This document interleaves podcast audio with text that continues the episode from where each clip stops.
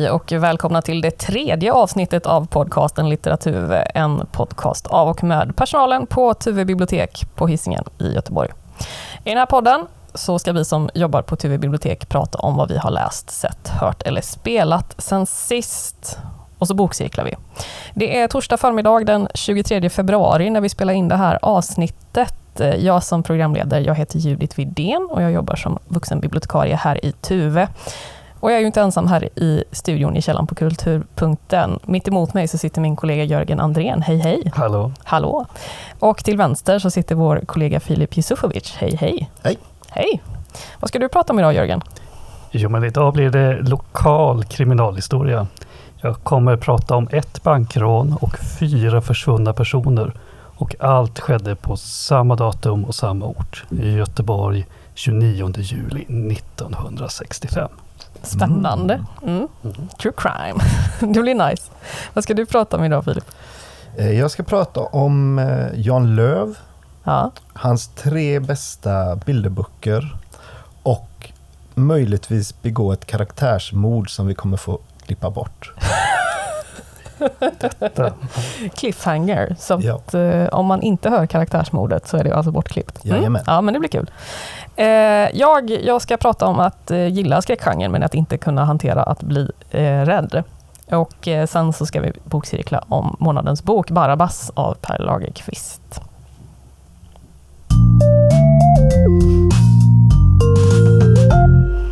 Men innan vi köttar igång det här så tänkte jag att vi ska ta eh, lite lyssnarreaktioner och först och främst tack till alla er som har hört av er på lite olika sätt om att ni gillar podden. Alltid väldigt eh, roligt. Eh, speciellt att bli haffad i disken, så det får ni gärna fortsätta med. Eh, sen en fråga som faktiskt har kommit in från lite olika personer. Eh, varför har vi en myra i våran logga? Ja, varför har vi det? Ja, men för att myran är den kändaste Tuvebon genom tiderna. Liksom. Ja, eh, Magnus Wislander och Lotta Lundgren får liksom eh, ursäkta, men det är myran som är liksom Tuve.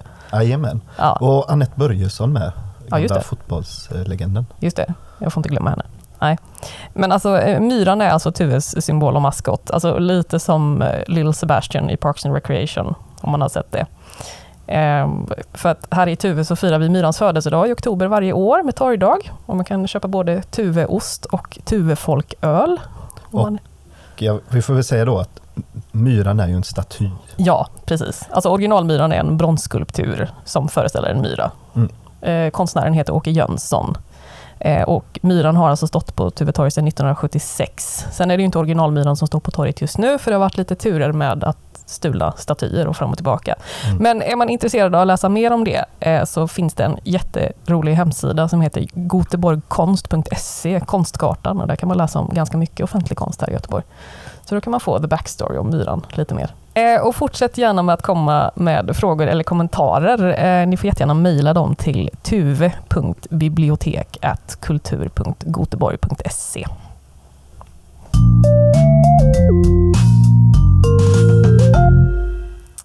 Ja, Filip. Jan Löv.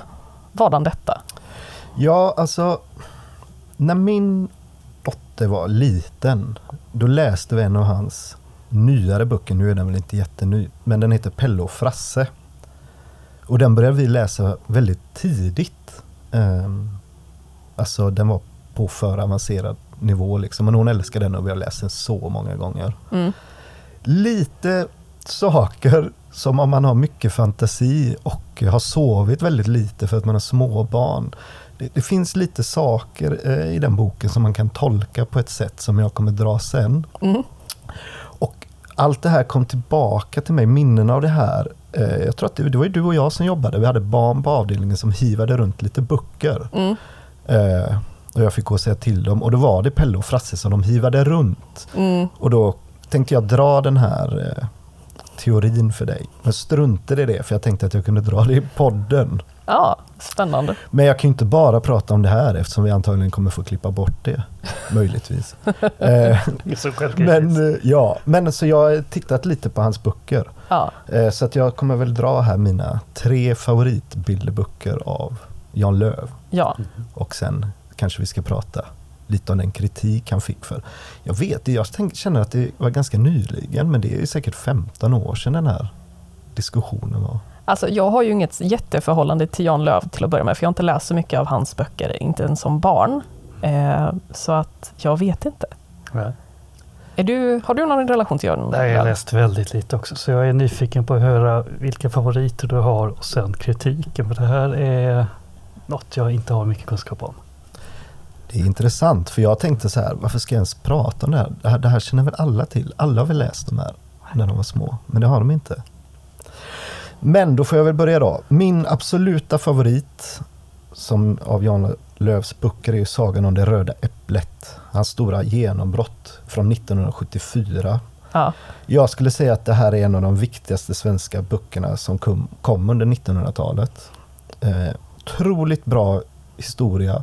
Otroligt bra sammanknuten liksom. Fantastiska teckningar. Mm. Eh, det handlar om en gubbe i en kritstrecksrandig kostym som blir blåst av en dryg frukthandlare. Eh, för den här gubben vill in och köpa ett riktigt saftigt äpple. Frukthandlaren är en riktigt dryg typ. Ja. Han tycker att eh, gubben ser lättlurad ut så han säljer ett plastäpple till honom. Och det här plastäpplet trillar ut genom fönstret innan gubben hunnit äta det. Och ja, det blir massa förväxlingar där. Ja.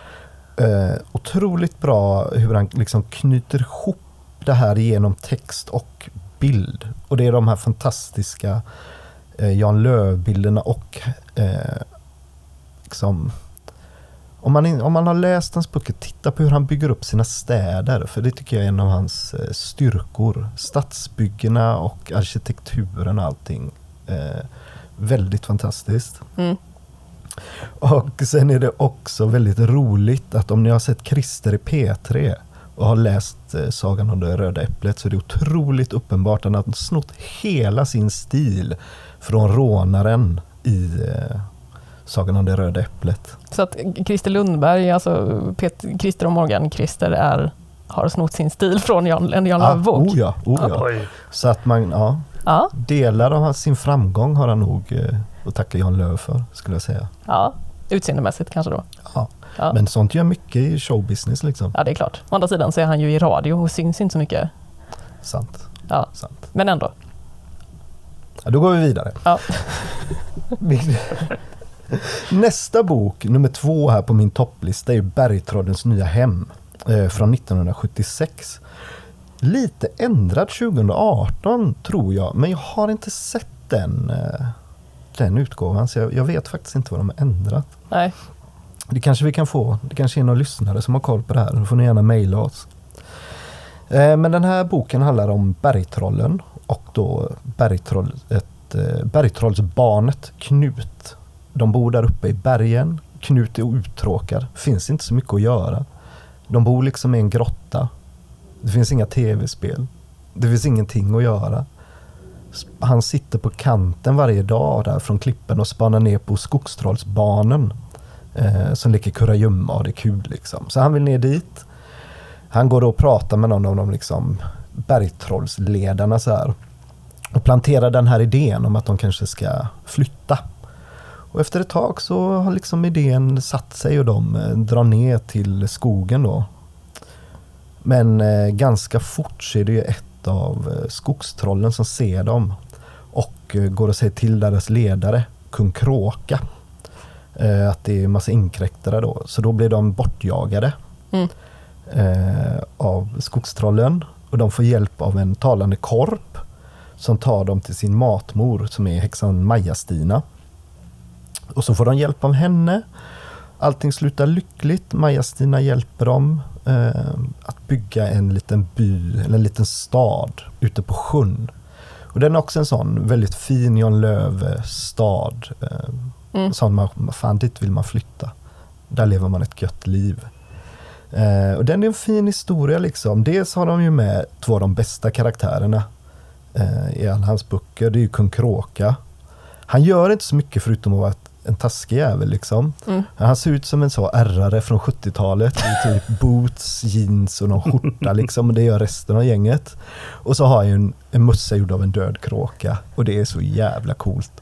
Tänk om våran kung hade en kråka. Fast har du Liksom. sett kungen i vikingahjälm? Det är så gulligt. Oh, nej, men jag får nog kolla upp det här. Ja, ja. Men är det döda djur på? Nej, det är ju inte det. Men, eh, Nej, kungen om du lyssnar, steppa upp det här nu. Mm. Släng en död, jag vet inte. Kanske inte kråka för då får du kung kråka på dig. Men, Men, men ett eh, par maffiga älghorn skulle ju vara rätt. ja, ja, kör på det kungen. ja. Eh, och sen är det ju också en annan favoritkaraktär och det är ju häxan Maja-Stina. Jag vet inte, alltså hon har en talande korp. ja. Det är ju asfett. Hon är en häxa. Det är asfett. Hon har respekt med sig. Det står uttryckligen i boken. Eh, och hon är en jävel på att hantera en yxa. Så det är ja, riktigt bra. Så henne vill man ha med sig i apokalypsen? Oh ja, verkligen. Man vill ha med henne alltid. Ja, okej. Mm. Ehm, och sen den tredje här då är Pelles ficklampa. Och Pelle är ju typ den tråkigaste karaktären. Alltså, han är ju som ett tomt, tråkigt blad. Men det är ju ofta så att en del av Jan Lövs, eller ganska många berättelser, så är det ju inte Pelle, eller i alla fall i Pelle-böckerna, som är liksom stjärnan. i- Alltså, det är ju historien runt Pelle. Mm. Allt som händer runt honom som är det intressanta. Och i den här boken så är det väl inte Pelle så mycket som är stjärnan. eh, Det är väl ficklampan. Mm. För Pelle käkar kvällsmat hemma med sin mor. Pannkakor. Det blir pannkakor över. Pelle ska gå över till morbror Sven och lämna de här. Och då ska han gå igenom stan i mörkret.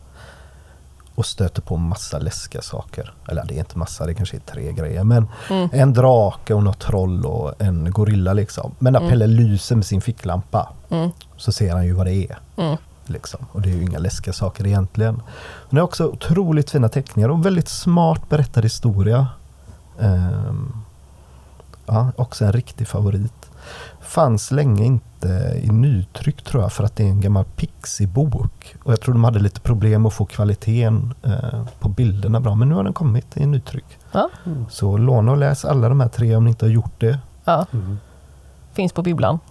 Finns på bibblan. Mm. Även du får mig minnas att eh, de två första, Trollen och Äpplet, det har ju min mormor läst för mig många gånger. Mm, du ser. Så, så ja, sitter kvar. Men nu är jag ju väldigt spänd på att höra, du berättar varför du älskar de här, men vad är det för kritik kring Jan Lööf som du ska ta upp?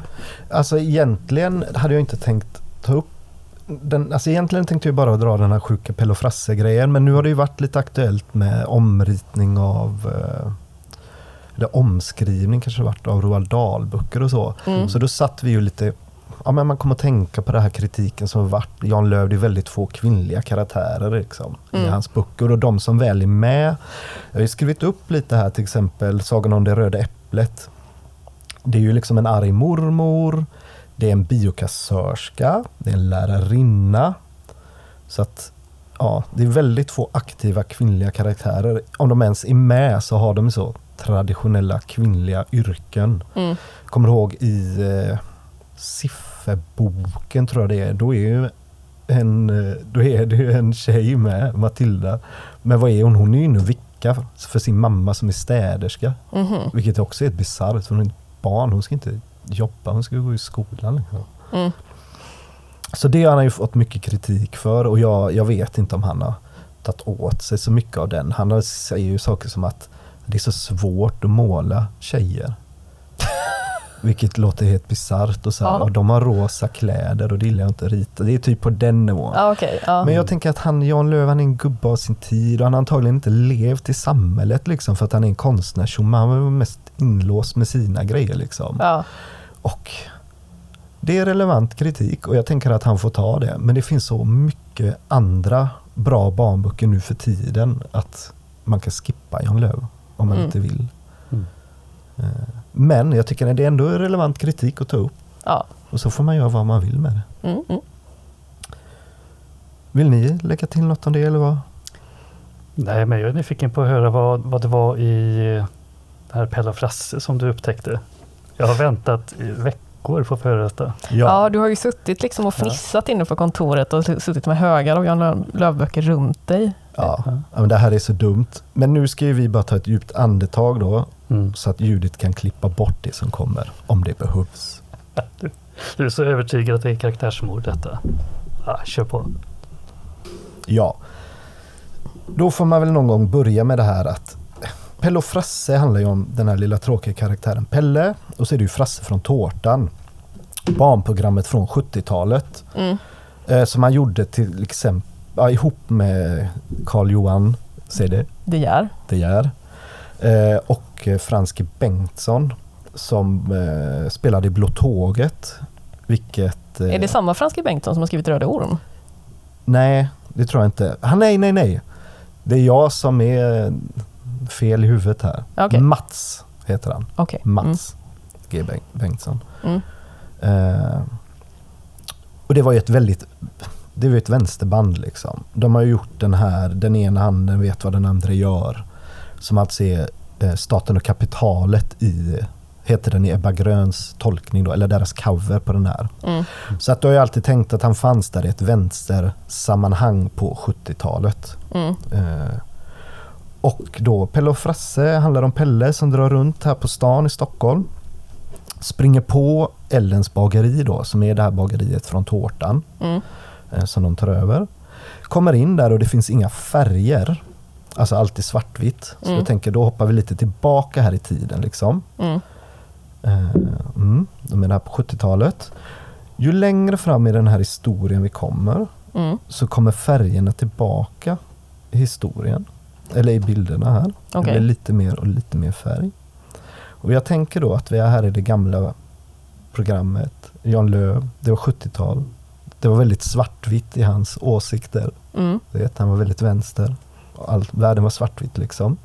Men när färgerna kommer här framåt i tiden så ser han lite mer nyanser. Okej. Så det tänker jag, där har förändringen kanske börjat. Okej. Logiskt va? Ja, ja, visst. Carry on. Och sen händer det en massa tokigheter i det här eh, bageriet. Han har ju massa djur, Frasse i bageriet, det får man ju inte ha. Ja. Eh, och eh, Janos och eh, Hilding kommer ju på honom med de här eh, djuren inne i bageriet och de, nu måste de lägga ner liksom. Vi kan inte ha det så här, du kan inte driva ett bageri med eh, massa skadedjur inne till råttor och grejer. Ja.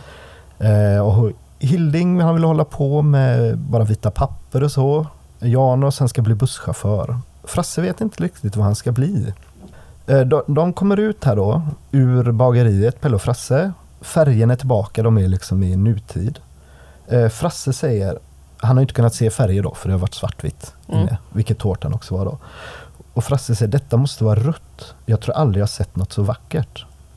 Och sen lite längre fram här på samma sida så säger de eh, Vad tänker du göra nu undrar Pelle? "Ja, Jag kommer nog på någonting sa Frasse, men jag har ändrat mig när det gäller rött. Blått är vackrast. Hmm. Ja, alltså man kan ju vrida och vända. Man kan ju Mm. analysera saker på hur dumma sätt som helst. ja. Så eh, kontentan, Jan Löv har gått och blivit höger på gamla dagar. Och han kommer ut med det mellan raderna i Pelle och Frasse 2009. Ja, spännande Mm. teori. Tänk vad man kan använda litteraturvetenskap till att tolka saker. Ja, och jag tror ju inte det här på riktigt. Jag älskar Jan Lööf, även om han är en gubbig gubbe. Ja, Jan Löv, gubb, gubbi, gubb. Mm. Mm. Mysigt. Mm.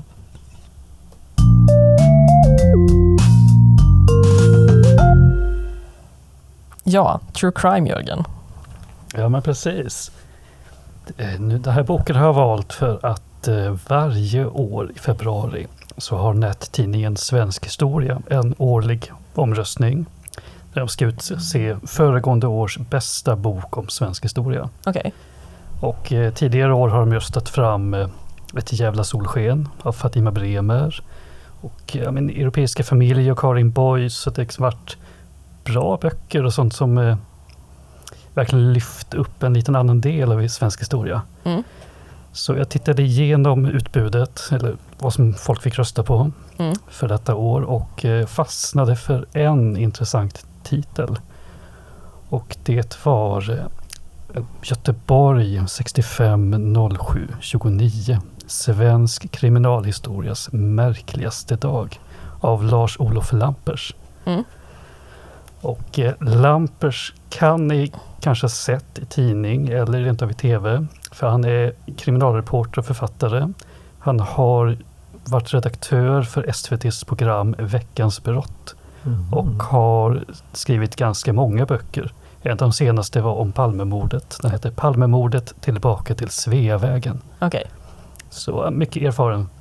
Ehm, han inleder den här boken då, Göteborg 65 07 29 med att konstatera att det här datumet och de här fallen som skedde då, det har eh, skapat mycket spekulation genom åren. Två av fallen är olösta och folk har undrat om inte de hänger samman på något sätt. Eller möjligtvis alla tre, för hur ofta är det någonting sånt här händer på samma ort, samma dag? Okej. Ja, vad, vad hände? Jo, men det är följande tre som ska dra lite kort. Och först och främst så var det ju Grodmansrånet. Ett spektakulärt bankrån i Gammelstan. Där rånarna hade groddräkter. De hade tänkt sig att de skulle fly med bytet i Säveån, simma under vattnet. Okej. Mm. Ja. Och det andra fallet det känt som Dalsjöfallet. Och det var tre unga män som försvann från arbetarkvarteren i Haga där de bodde. De sa att de skulle åka på en camping i Åsa. Men de har inte setts till sedan den dagen när de klev in i bilen för att åka iväg. Okej. Oj, Och bilen hittades heller aldrig. den har jag faktiskt inte hört om innan. Det här med rånet har man ju hört. Mm. Även om man alltid är besviken på att det inte var groddräkter de har. Ja. Alltså grod, grod som i grodan boll. Ja, det hade varit coolt. Ja. Mm. Ja, men detta hände som skedde samma dag och eh, en av de här försvunna männen, den första som blev efterlyst som försvunnen, han hette Dalsjö i efternamn, så därav Dalsjöfallet. Okej. Men så var det ju ett till försvinnande den här dagen och det är fallet med konstnärssonen. Också en kille i 18-årsåldern som eh, son till ett ganska känt konstnärspar. Och eh, han befann sig på deras sommarställe i Skåne men skulle resa med tåg och buss till en konstskola i Bohuslän. Och det sista livstecknet familjen fick efter honom det var ett vykort. Och enligt vykortet så ska han ha suttit i Trädgårdsföreningen i Göteborg under kvällen den 29 juli 1965. Och Okej. han har inte heller sitts till sedan dess. Oj, Mm. Så Lars-Olof Lampers han går igenom polisrapporter och skriverier i tidningarna eh, kring de här tre fallen för att ge en bild av hur arbetade polisen och, och tänkte allmänheten kring det som skedde. Eh, och det kan vara viktigt att komma ihåg att de här skedde på samma dag men eh, det tog ju lite tid innan de här försvunna männen att att det verkligen börjar efterlysas, utredas och bli en del av allmänhetens kännedom. Okej. Konstnärssonen blev efterlyst några dagar efter sitt försvinnande för att föräldrarna blev oroliga. Mm. men vänta nu, tog det några dagar? Några dagar i alla fall. Ja, de var ju inblandade. Nej, det får, så får man inte säga. Ja, nu. jag vet inte. Men arbetsgrabbarna där dröjde det månader liksom innan. Det var på den här tiden det var, ja men, man tänkte att unga män, de kanske tog till sjöss eller de hade gjort en tjej gravid och kanske försvann. Det var mindre mobiler, mindre GPS för att tänka. Mm. Så folk kunde Gått med i Främlingslegionen. Ja, Ja. Som man gör. ja. Det händer. Så försvinnandet dröjde, men rånet det var ju het journalistik från början. För att det var ganska djärvt, vågat, ganska listigt planerat. Men jag som läser i efterhand kan också tycka det är väldigt mycket Jönssonligan över det som hände. Det här rånet.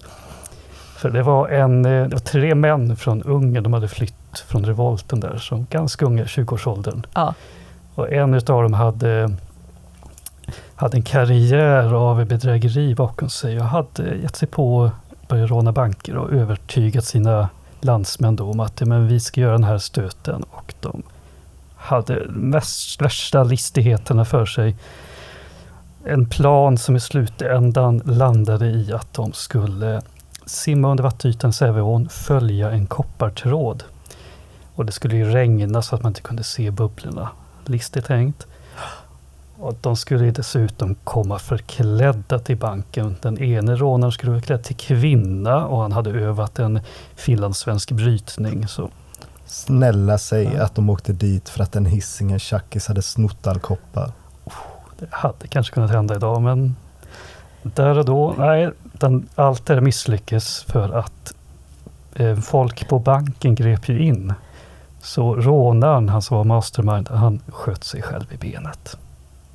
Hur? Alltså för att någon Ja. flög på honom? Ja, Eller? någon tog ett brottargrepp, det blev handgemäng, han började skjuta omkring sig, försökte skjuta mannen som höll fast i honom och lyckades skjuta både sig själv och mannen i benet.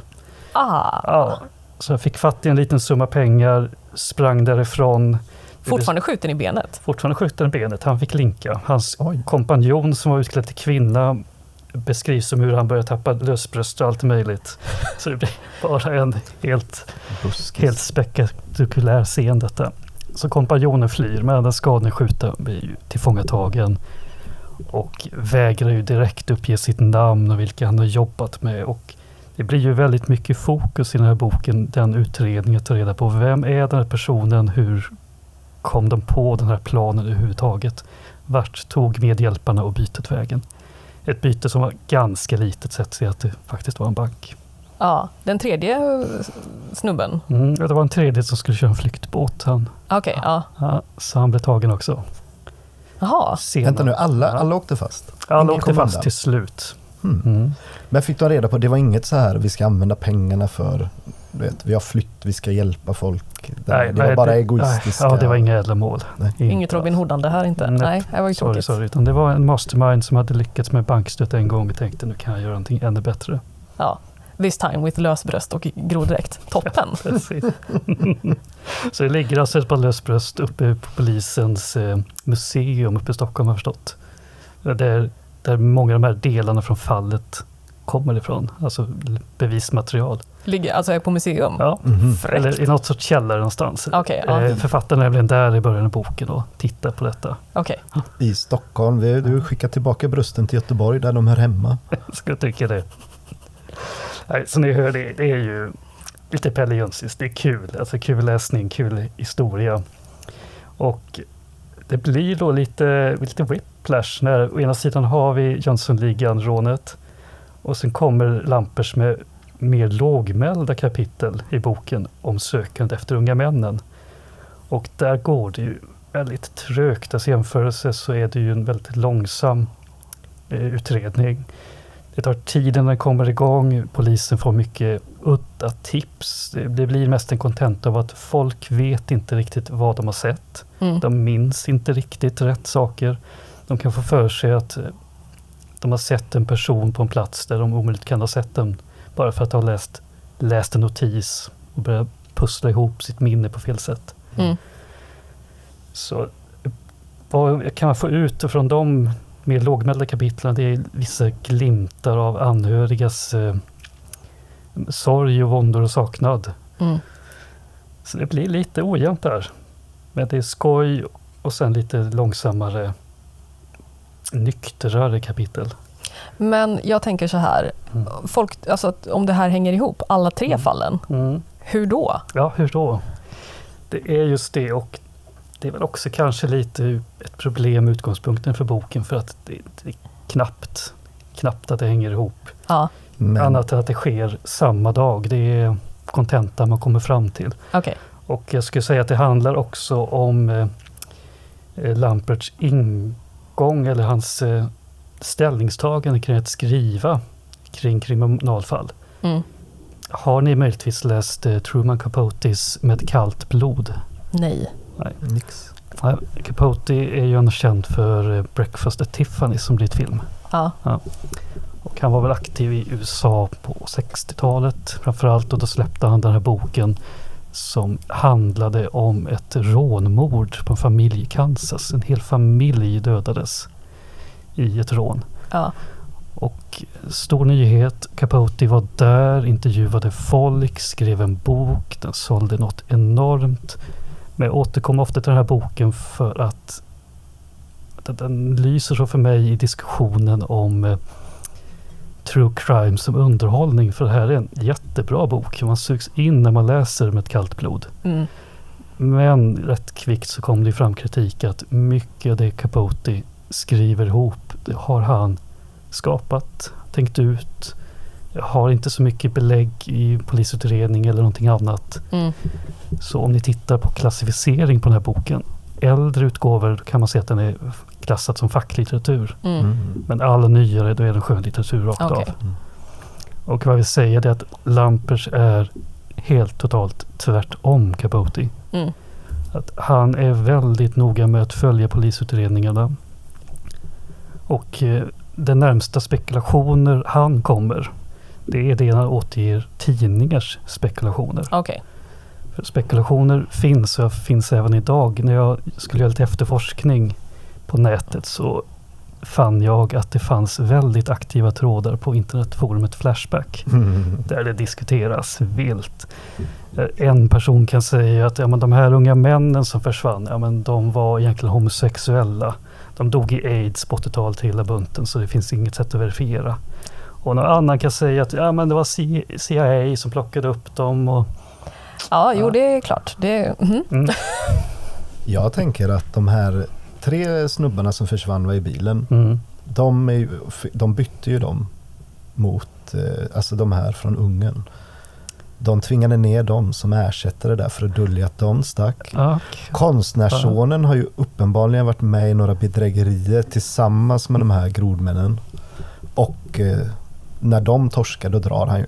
mm. Annars hade ju han också blivit upphittad till slut. Så han drar med alla, allt bevismaterial och allting. Såklart, jag ska skriva en bok om det här. Jag hör ja, det. ja, men Det kommer det. bara vara spekulationer. Du är så inne på konspirationsteorier nu så nu kör vi. Ja, liksom. ja. Jajamän. Oj, ja, det ser det är lätt att göda. Ja. Glittrar riktigt i dina ögon nu. Oj, Ja, oj. men det är vackert att se. Mm. Jag skulle nog säga att söker man en dramaturgi så är ju Lampers bok inte det man ska läsa i så fall. För att verkligheten har inte alltid det här narrativet eller dramaturgin. Det blir ingen lösning på försvunna männen. Mm. Så vill man ha den payoffen så, så hittar man inte det här. Det kan man hitta i Peter Englunds Söndagsvägen. Englund och Lampers är ju kollegor och deras böcker refererar varandra så jag tyckte Mm. det var mervärde att läsa båda. För Englunds Söndagsvägen utspelar ju sig i samma tid. Det är ett mord på en tonårsflicka i Stockholm. Mm. Det är bara några dagar innan de här fallen i Göteborg så man kan känna igen vissa tjänstemän och poliser i båda böckerna. Okej, ja. Och Englund är ju mer åt det skönlitterära. Han är ett litet steg närmare Capote. Han Mm. broderar ut och skapar känsla och kontext och så vidare. Och jag Mm. vill ju tro att han följer polisrapporter väldigt noga men inte som Lampers där man verkligen, där får du din fakta svart på vitt. Mm. Och din behållning av boken är just nu hur mycket du uppskattar det och vilken ingång du tar i detta. Okej. Så vill du ha faktan om de här mystiska fallen i Göteborg så kan jag rekommendera. Lars-Olof Lampers håller ju sig väldigt mycket till fakta i sin bok. Så är det det man vill ha av true crime så är det ju alla gånger en bok för den personen som kan uppskatta det. Mm. Men vill man ha det här lite mer narrativa känslan, stämningen, att kunna läsa en deckare fast det är känslan av en deckare men att det fortfarande är verklighetsbaserat och är ju Peter Englunds Söndagsvägen lite grann att föredra. Mm. Så Lampers bok är bra men det är vattendelare där skulle jag säga. Okej. Och om ni inte vet vilken person det är så kan ni läsa båda för att klura på det här. Ja. Jag tänker att det kanske finns spår Nej, nej, jag tänkte mer att du kan klura ut. Är jag en person som vill ha Ja, ja. bara ja. faktan Ja. eller vill jag läsa det mer som en, en deckarhistoria liksom? Mm. Och vet du inte vem du är av de här två personerna? Läs båda. Med lysande cell.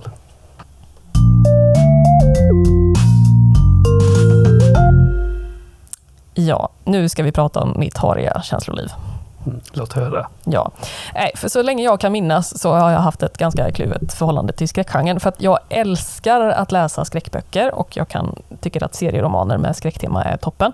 Men jag har aldrig kunnat titta på eller att ta in något visuellt skräckmedia, typ skräckfilm eller tv-serier eller sånt. Eh, eller spela skräckspel heller för den delen, för att jag är så extremt lättskrämd och får liksom så akut stresspåslag att jag får panik och vill lämna min kropp. Eh, så. Mm. Eh, jag blir livrädd när jag spelar Animal Crossing och det dyker upp en skorpion. Liksom. Det är en smal referens, Jörgen fnissar. Ja, precis. Fast skorpioner skrattar man inte bort alltså. Mm. Nej, alltså, så här, Animal Crossing är det liksom snällaste, mysigaste spelet som finns. Men det finns liksom ett inslag där att oj, man ska fånga lite, eller så här, lite djur som kan skada dig. Och det är skorpioner eller spindlar. Alltså jag har en eh, kompis vars son har en skorpion i ett terrarie. Alltså jag är ju fan rädd. Bara jag står framför det. Ja, Så att, eh, Mm. Ja, nej, men det stresspåslag inne på Universium hade jag sist också. Det här när man står vid alla de här giftormarna. Oh, det här är dödligaste som finns. Eh, ja, sen kommer Harry Potter här och glaset försvinner. Liksom. jag var ju där för exakt en vecka sedan och försökte dra bort handen från den här simulerade giftormen. Ja, Lyckades inte den här gången heller. nej. Ja, vi dog hela, hela släkten. Ja. Alltså det, det är en platta man sätter en hand på så har du liksom en, en, en ja, projicering av en orm uppe på där. Så att när ormen hugger så ska du liksom dra bort handen så fort du kan. Det kan man inte för att de är så Mm. snabba. Och så liksom, det sticker till va, lite. Nej, jag, det märkte inte jag. Ja, jag tänkte inte på det, men jag, jag typ skrek i alla fall, så det var toppen. Ehm, ja, alltså, och grejen det här med skräck också, att jag vill ju kunna gilla att titta på skräck. Men jag kan liksom inte med att göra det. Eh, För jag tänker att det hade varit en helt annan grej om jag hade varit lugn och trygg med att jag inte gillar skräck och kunde gå vidare med mitt liv. Så. Men jag vill ju liksom någonstans, för det verkar så himla trevligt att få bli lite lagom rädd. Och på engelska så pratar man om det här psykologiska fenomenet, eller dilemmat fear of missing out, alltså FOMO. Mm. Eh, en oro för att andra personer är med om upplevelser som man själv går miste om. Så. För att jag tänker ju att jag missar ju en så stor del av en kultur, eller en kulturyttring som jag själv tror att jag skulle gilla. Liksom. För att jag älskar ju både läsa skräck och dystopier och helst i kombination då. Eh, en av mina absoluta favoritböcker är World War Z eller Världskrig Z som den heter på svenska av Max Brooks. Alltså det är ju, jag skulle inte sätta på en film, skräckfilm själv. Sitta och titta på det ensam. Men det är ju kul att se ihop med kompisar och liksom vara lite rädd. Ja men precis, ihop. Och det blir ju inte lika läskigt heller. Ja, Man tänker ändå att ja, det är en gemenskap, men eh, ja, mm, nej, det går liksom inte. Jag har sett en skräckfilm i hela mitt liv och det var ju under tvång. För att på gymnasiet hade jag och några kompisar en filmklubb. Vi såg allt som gick på Röda Kvarn i Borås. Eh, och då var det ju en skräckfilm och den skulle vi se. Och jag har ju liksom jag minns inte så mycket mer av det, mer än liksom panikkänslan. Typ. Barnhemmet, en spansk skräckfilm. Eh, om en kvinna som återvänder till barnhemmet hon själv har vuxit upp på. Så ska hon göra om det här till någon form av retreat. Det går Jajamän. inte jättebra. Jag, vi hade den inköpt här Ja. och jag har tjurat över vem, vem köpte in den här jäkla filmen så att jag behöver titta bara på det här jävla omslaget och bli rädd på jobbet. Otroligt upprörd över det. Mm, barn i utesäck med över huvudet som eh, skrämmer eh, sa. Ja, mycket jump scares. Eh, ja, nej. Eh, och det här hela har ju då aktualiserats av den senaste månaden för att tv-serien The Last of Us har haft premiär på streamingtjänsten HBO. Har ni sett den? Bara brottstycken. Min fru låg hemma och tittade på den när jag kom hem en gång. Okej. Mm. Jag har inte sett senaste avsnittet. Jag var tvungen att uttryckligen säga till i en gruppchatt igår att Mm. ni får inte prata om, mer om det här när de börjar nämna det. Liksom. Ja. Nej, för att hypen är ju stor. Den har ju blivit tokhyllad. Liksom. Eh, och den är ju, tv-serien The Last of Us är alltså baserat på ett tv-spel som kom ut 2013 med samma namn då. Eh, spelet är utvecklat av en spelstudio som heter Naughty Dog. De har också gjort Uncharted-serien som lite kort kan beskrivas som Indiana Jones eller National Treasure. Eh, fast huvudkaraktären Nathan Drake letar efter piratskatter. Ja, ja, istället då för nazistguld eller självständighetsförklaringen. Sådär. Eh, och Naughty Dog är ju liksom kända för att göra spel med bra och välskrivna berättelser. Och det var väl egentligen så det började för min del för då typ tio år sedan. För jag satt och kollade på när min man spelade Uncharted 3 på PS3, så länge sedan är det. Eh, och så tyckte jag att ja, men berättelsen är ju toppen. Alltså jag spelar ju en del själv, men jag tycker framförallt det är väldigt roligt att titta på när andra spelar. Mm. Och speciellt då kommentera och vara baksäteschaufför. Det var väl också i en tid där man pratade mycket om tv-spel utan historier, utan karaktärer man känner för. Mm. Att det var en stor diskussion om det, att det var en brist på det i tv-spelsvärlden och det där var väl verkligen ett flaggskepp för det här med ja, men en historia som engagerar och karaktärer man bryr sig om. och Precis. Liksom, som man, Och välskrivet, välproducerat. ja, verkligen. Där man märker att liksom både producenter och liksom spelproducenter har pratat. liksom sådär, bara en sån sjuk grej. Oh, man kan samarbeta. Liksom. Ja, nej. Eh, I men just det här att det, det, var så toppen att titta på. Det var ju som att titta på film. liksom. Och sen fick jag då, eh, tänk, googlade väl lite då på något idag och bara oh, ett eh, spel, Last of Us. Det här ser ju spännande ut. Så att jag skulle ju vara liksom flickvän of the year då och gick och köpte Last of Us till min man. Eller ja, dåvarande. Eh, ja, vi är ju gifta nu, det här blir jättekonstigt. Skitsamma. Jag köpte spelet i alla fall som en present och tänkte att ja, men det här kan jag också vara med och titta på. Så. Hade inte läst så mycket om själva spelet. Mm. Filip skrattar. Mm. Eh, ha, ha, ha, ha, ha, ha. För det här tv-spelet ser jag då genom fingrarna. Eh, också att jag gick iväg när det blev för läskigt. Eh, typ stod ute i köket och skrek bara, är det klart nu? Ja, kom tillbaka och sen så då krävde jag att min man skulle återberätta eh, vad det var precis som hade hänt så att jag inte missade någonting. Ja, det blir ju läskigare för att man faktiskt bryr sig ja. om karaktärerna. Precis. Alltså vanlig slasherfilm, ja det, det, tycker jag är skitäckligt men här bryr jag mig ju om personerna mm. dessutom så att man får ju liksom bara panik. Så. Eh, för att storyn är ju så fruktansvärt bra för att både spelet och tv-serien följer ju samma grundstory. Eh, vi befinner oss i USA i en inte alltför avlägsen post-apokalyptisk framtid. Ett släkte av parasitsvampar på latin cordyceps, har muterat så pass jävligt att de istället för att ta över och parasitera på myror, obs, det gör de på riktigt, Mm. Så äckligt. Inte på våra myra, håll borta. Inte på våra myra, håll er borta från våra myra. Men de kan i alla fall då ta över myror. Men i det här spelet och i tv-serien så har de muterat så de kan sprida sig till människor och mellan människor. Och de här parasiterande eh, smittade svampmänniskorna, som är sjukt läskiga, eh, tar över världen. Liksom. Och kvar finns små fickor av överlevande människor som antingen bor typ i totalitära karantänzoner eller i små självständiga bosättningar eller som nomader. Sådär, om man gör det man kan för att försöka överleva ja, skitläskigt. Um, men huvudkaraktären Joel då bor i det som en gång var Boston och försörjer sig som smugglare och han får uppdrag att eskortera en tonårstjej, Ellie, genom USA eftersom att hon kan bära på botemedlet till smittan. Mm. Mm. Eh, spelet blev ju tokhyllat när det kom då, just med det vi pratade om, att man bryr sig om karaktärerna. Det är en fantastisk story. Eh, och för er nu som har spelat tv-spelet men inte sett eh, slutet. Ehm, eller för er som har spelat spelet vet ju hur det slutar i första spelet. Eh, det är en jävla resa. Mm. Så du misstänker, det kommer väl i tv-serien också. Oh. Men ehm, ja, det blev ju jättehyllat spelet då. Fick en uppföljare 2020 också som heter The Last of Us Part 2 som är en direkt uppföljare då. Så att, i och med att det kommer bli en säsong två då av Last of Us så misstänker jag att det är det som kommer vara säsong två då. Jag är ju i en eh, period där jag är tv-spelslös. Jag har bara läst böcker. Men eh, jag har ju inte spelat tvåan. Nej. Men jag får kanske, det kanske är det jag ska sätta igång med igen. Man hamnar ju sådana, för jag hamnar i perioder där jag inte spelar tv-spel överhuvudtaget. Mm. Och sen så, och då läser jag böcker. Eh, ja. Och nu har jag varit lite sådär att jag kanske inte ska sätta igång med något tv-spel eftersom jag faktiskt läser så mycket böcker på fritiden. Mm. Men eh, för The Last of Us 2, då kan det ändå vara värt det. Ja, det är det ju. Det har jag, det har jag också sett genom fingrarna. Eh, och det är nästan värre. Eh, för att, ja, jag ska inte gå in på spoilers här nu, eh, för då kanske man riskerar att spoila eh, tv-serien. Ja, Men den hade då premiär i mitten av januari, tv-serien.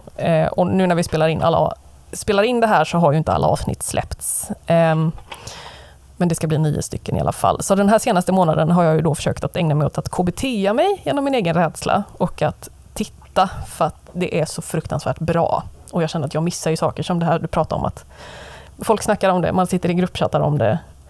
Um, så att, ja, nej, det är... Är du botad nu? Nej, jag tycker fortfarande det är jätteläskigt. Eh, jag är i slutet på avsnitt två. Jag tittar i fem minuters stötar. Mm. Mm. Och sen behöver jag sitta och liksom djupandas och meditera och ligga på spikmattan och bara så här, försöka hantera. Så. Oj, alltså det är hela din metod? Det är min metod. Ja. Det är det jag försöker med i alla fall. Liksom bara utsätta mig för det och sen mm. så hoppas jag att det liksom så här, till slut att jag bara kan försöka se förbi det. Mm. Eh. Så du har inte bett din man att uh, hoppa fram och skrämma dig oftare och oftare för att du ska bygga upp motståndskraft? Nej, då tror jag det hade slutat med skilsmässa.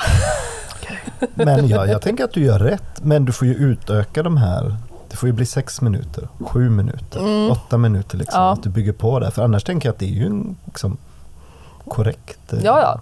Men å andra sidan, det, det, nu, nu har det liksom blivit lite glesare mellan gångerna också för att det, är ju så sjukt spännande i slutet på avsnitt eh, två så att jag eh, fortsätter i den här takten så är jag väl klar lagom till att semestern är slut någon gång i augusti kanske. Men, eh, men det är skitbra. Ehm, Pedro Pascal spelar Joel. Eh, han är bland annat känd som The Mandalorian i tv-serien också på Disney+. Plus. Och han är med i Narcos också. Den har jag inte jag sett. Men, Nej, jag såg första avsnittet. Sen, Mm. Jag vet inte, jag fastnade aldrig för den. Så det blir inget mer. Men Mandalorian har jag ju sett. ja, Den är han Mandalorian. bra i. Ja. Eh, och så spelar han ju också Oberyn Martell i Game of Thrones. Jag tror det kan vara säsong 3-4 någonstans där. Jaha. Ja. Eh, och Bella Ramsey spelar Ellie. Hon är också mest känd från Game of Thrones. där Hon spelar Lyanna Mormont. Också i de senare säsongerna. Varför fick hon inte vara en Ramsey? Eh, ja, det var ju, nu fattar jag. Ja. Okej, ja nej. Det ska väl eh, gå ihop dramaturgiskt där också. Ehm, nej, men i alla fall, jag kan verkligen, alltså, verkligen, verkligen rekommendera att se serien även fast man är rädd. Liksom. Ehm, och inte kanske gillar skräck i vanliga fall, för det är en fantastisk eh, historia någonstans. Jag, eh, men det är också en diskussion, är det verkligen skräck? Jag tycker inte att det här är skräck.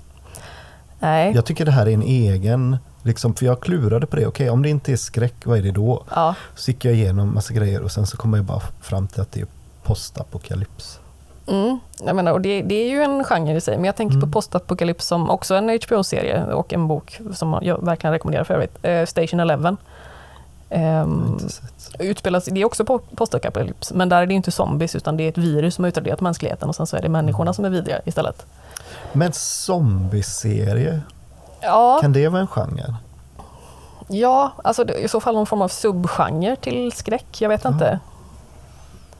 För zombierna är ju sina egna. Ja. Eh, Jag tänker bara, jag, jag har ju sett en del skräckfilmer med mina kompisar. mm, Och det hade jag inte gjort själv. Det här, det här kan jag ju ändå titta på själv. Liksom. Mm, Eh, hade det varit för skräck för mig, då hade jag ju fått stänga av. Liksom. ja. Jag behöver någon i närheten. Typ. Dör jag nu så dör jag i alla fall inte ensam. Ja, nej. Men ja, eh, titta på serien. Vill man inte betala för HBO så får man ju då kanske vänta på att serien släpps på DVD. Eh, och då förutsätter jag kallt att man kan låna den på bibblan, att den köps in. Ehm, man kan också låna The Last of Us Part 1 och Part 2 och spela på biblioteken här i Göteborg. För de finns både till PS4 och PS5 sist jag kollade i katalogen. Så det, det kan du unna dig, Filip. Jag kanske får göra det. Mm. Eh, och om man då inte känner sig manad eller har nivå, nivån av sen att ta sig an det så kan jag i alla fall rekommendera att lyssna på musiken till både tv-spelen och tv-serien. Eh, den är komponerad av den argentinska kompositören Gustavo Santaolalla. Finns i Naxos faktiskt, som vi har tillgång till. Men är han en sån tjomme som har gjort massa skräckfilmsmusik innan? typ Nej. Till Argento och alla sådana där? Nej, han har ju inte det. Han är, han är ju liksom film... eh, Alltså han är ju kompositör och gör jättemycket filmmusik. Bland annat så har han gjort i Brokeback Mountain. Eh, Så att han är liksom en av de som är med i det gamet. Jag har faktiskt liksom. inte sett den, men jag uppskattar alla filmer med hästar i. Så jag kanske får göra det. Ja, det, det får du göra. Då har du hemläxa. så. Ehm, och som en liten bonus också, om man nu ska bara ta den här tipskavalkaden. Eh, så om man nu börjar titta på tv-serien så finns det en podcast som heter HBO's The Last of Us Podcast. Där skaparna av serien och Troy Baker som gjorde rösten till Joel i spelet nördar ner sig avsnitt för avsnitt. Mm, mycket, mycket bra. Finns där poddar finns. Mm.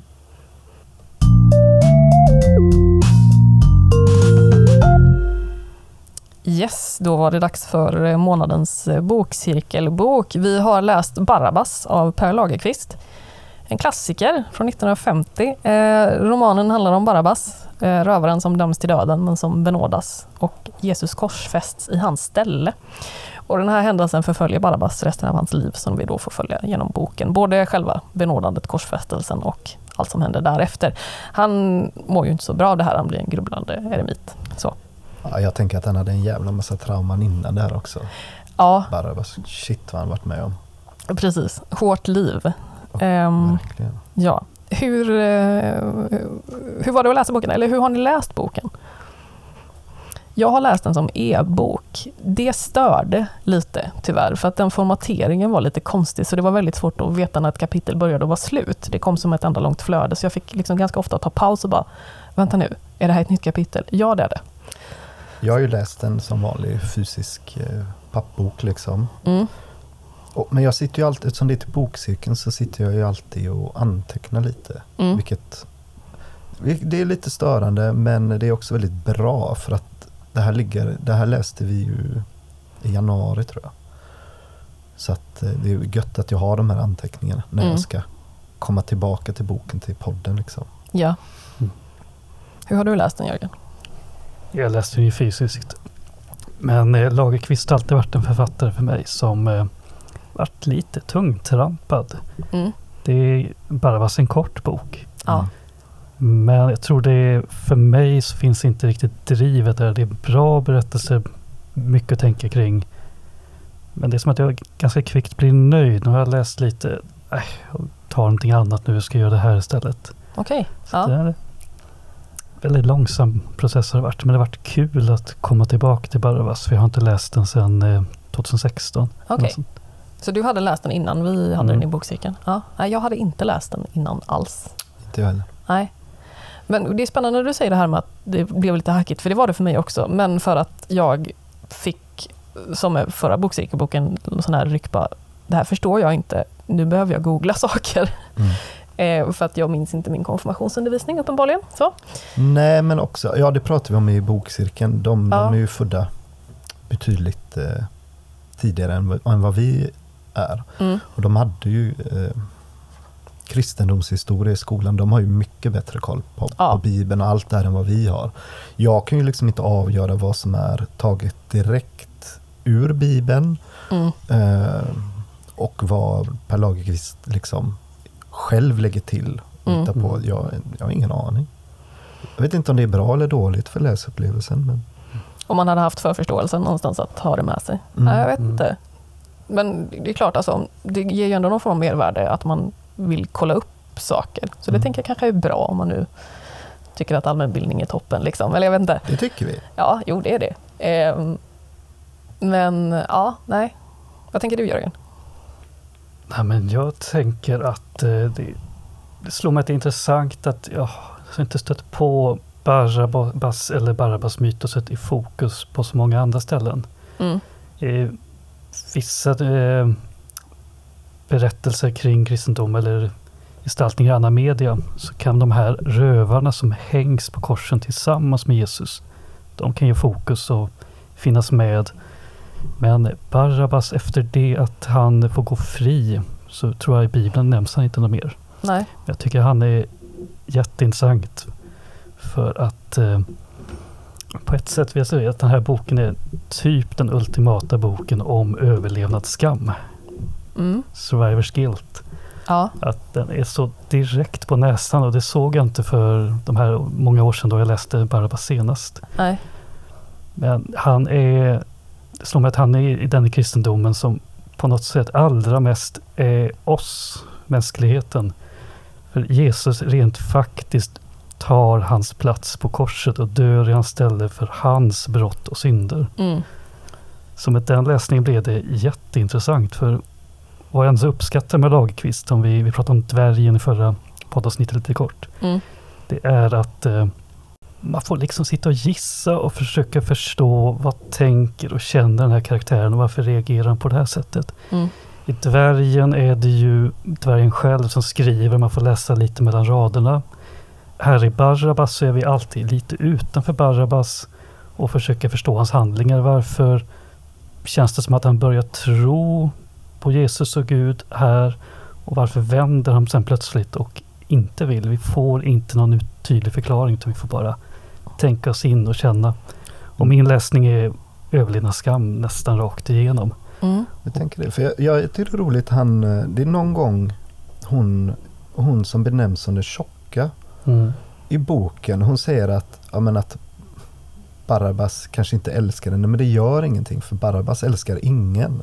Mm. Han verkar ju inte bry sig om någon överhuvudtaget liksom. Ja. F- Förrän den här skulden ändå kommer över honom liksom. Mm. Det där börjar ju någon form av utveckling i, i Mm. Barabbas. Mm. Men ja, jag tänker han, han måste ta ett djupt andetag ibland, Barabbas. För till sådana tillfällen, du vet när den här klassiska, den som du vet, kastar första stenen. Det är ju någon som benämns som den harmynta som blir dömd för typ kätteri. Mm. Och det är någon blind snubbe som har typ golat ner henne. Och de vill att han ska kasta första stenen. Han kan ju inte Han har ju inte övat på att kasta sten på folk. Han är blind. Mm. Han missar. Det kommer någon skriftlärd som är aspist och vill att hon ska stenas till döds. Försöker liksom guida hans hand så att han träffar henne men det misslyckas han ju med Mm. såklart. Till slut kastar ju den här gubben, den skriftlärde, själv första stenen liksom. Mm. Och sänker den harmynt och sen kommer hela mobben och liksom börjar kasta. Men, också, men då hugger ju Barabbas ihjäl honom. Mm. Sticker kniven i magen på honom och springer därifrån. Och det är samma scener i någon bok när han vaknar upp av att de skriker att de, sa, de bränner Rom för de är i Rom. Ja, i slutet där ja. Han tar ju inte du vet, andetag och så här, är det det här vi gör nu allihopa? Du vet, bränner vi Rom nu? Utan han springer ju bara ut och börjar bränna stan.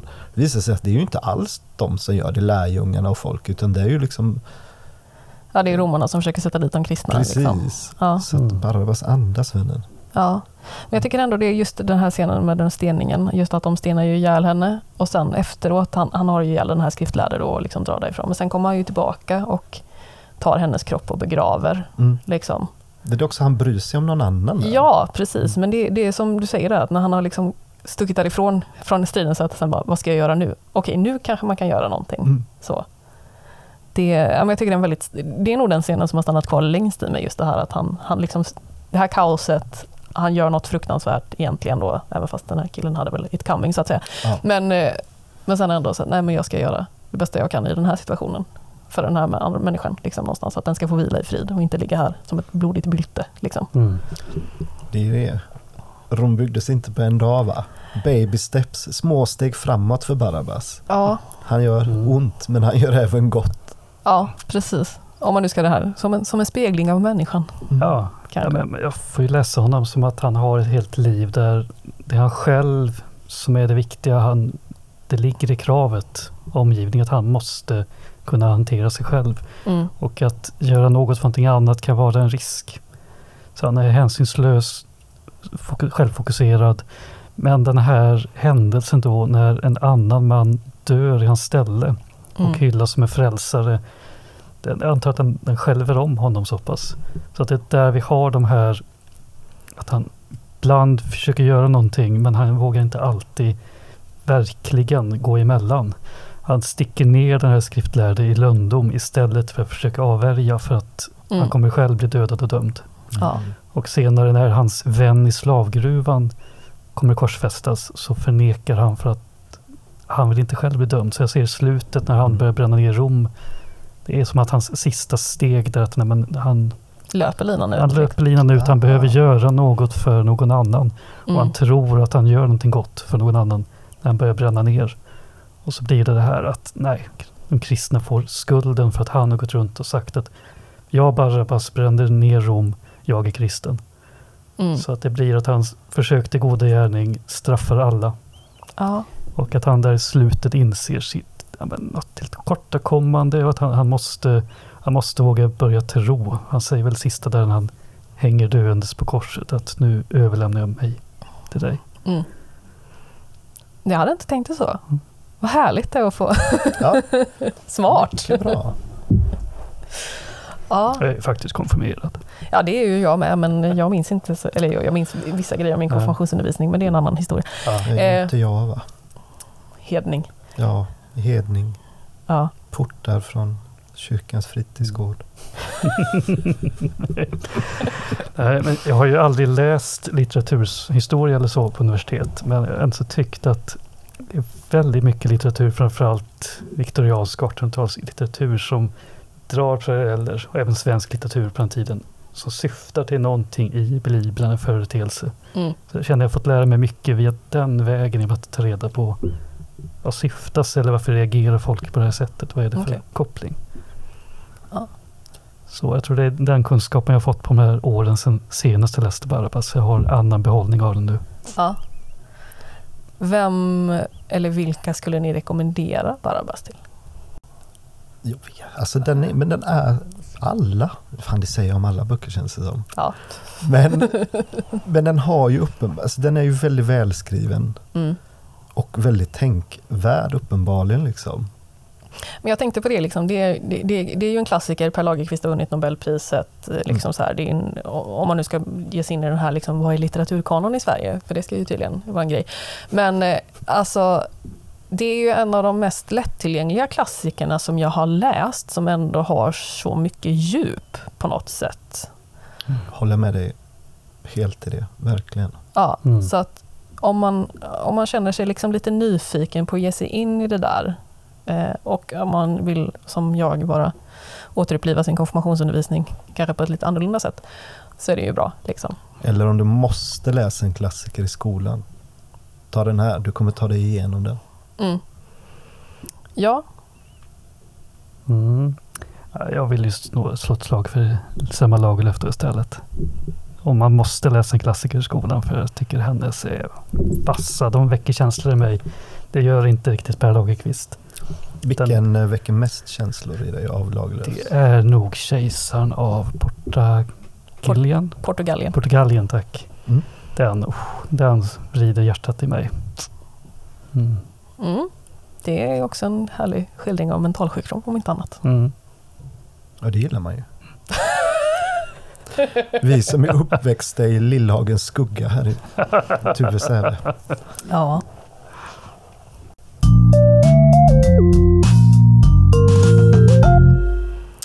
Yes, då ska vi introducera nästa månads bokcirkelbok Avigt hav av Marie Darrieussec. Med reservation för uttal, för det är väldigt långt och franskt. Men i alla fall då. ehm, boken handlar om en psykoanalytiker som i julklapp får en kryssningsresa tillsammans med sina barn på Medelhavet. Eh, och någonstans ute på havet så stöter det här kryssningsfartyget på båtflyktingar som räddas upp på båten då, i väntan på kustbevakningen. Eh, och det är väl liksom där historien tar sin början då. Eh, hur, hur den här psykoanalytikern hanterar det här. Ehm, ganska spännande sådär. Vad tyckte ditt bokcirkelfolk, Filip? Eh, nu var det tyvärr så att alla inte kunde vara med just den här gången. Men det var ju flera, kanske inte alla, men det var ju flera där som tyckte att det var den bästa boken. Eh, bäst eller en av de bästa jag läst i hela bokcirkeln.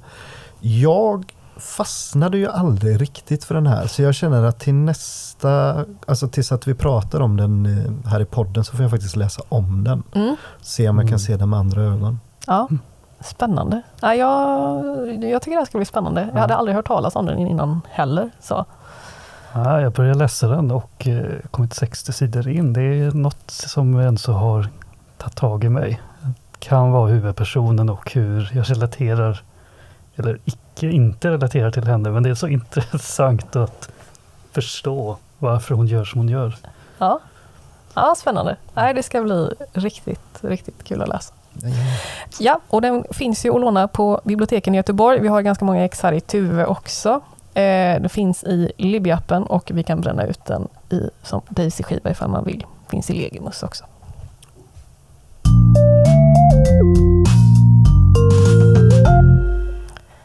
Yes, då var vi klara för idag. Tack till er som har lyssnat eh, och tack till Fritid Norra Hisingen här i Tuve som låter oss låna studion och utrustning. Tack till artisten The Boff JR för vår fina jingel som heter Utsikt från Lunden. Eh, och den ska vi lyssna på en gång till här. Egentligen vill ju artisten i fråga kalla sig för Cyndi Lauper, fast inte den Cyndi Lauper, men The Boff JR får duga. Vi hörs igen i slutet av mars. Ha det gött. Hej hej!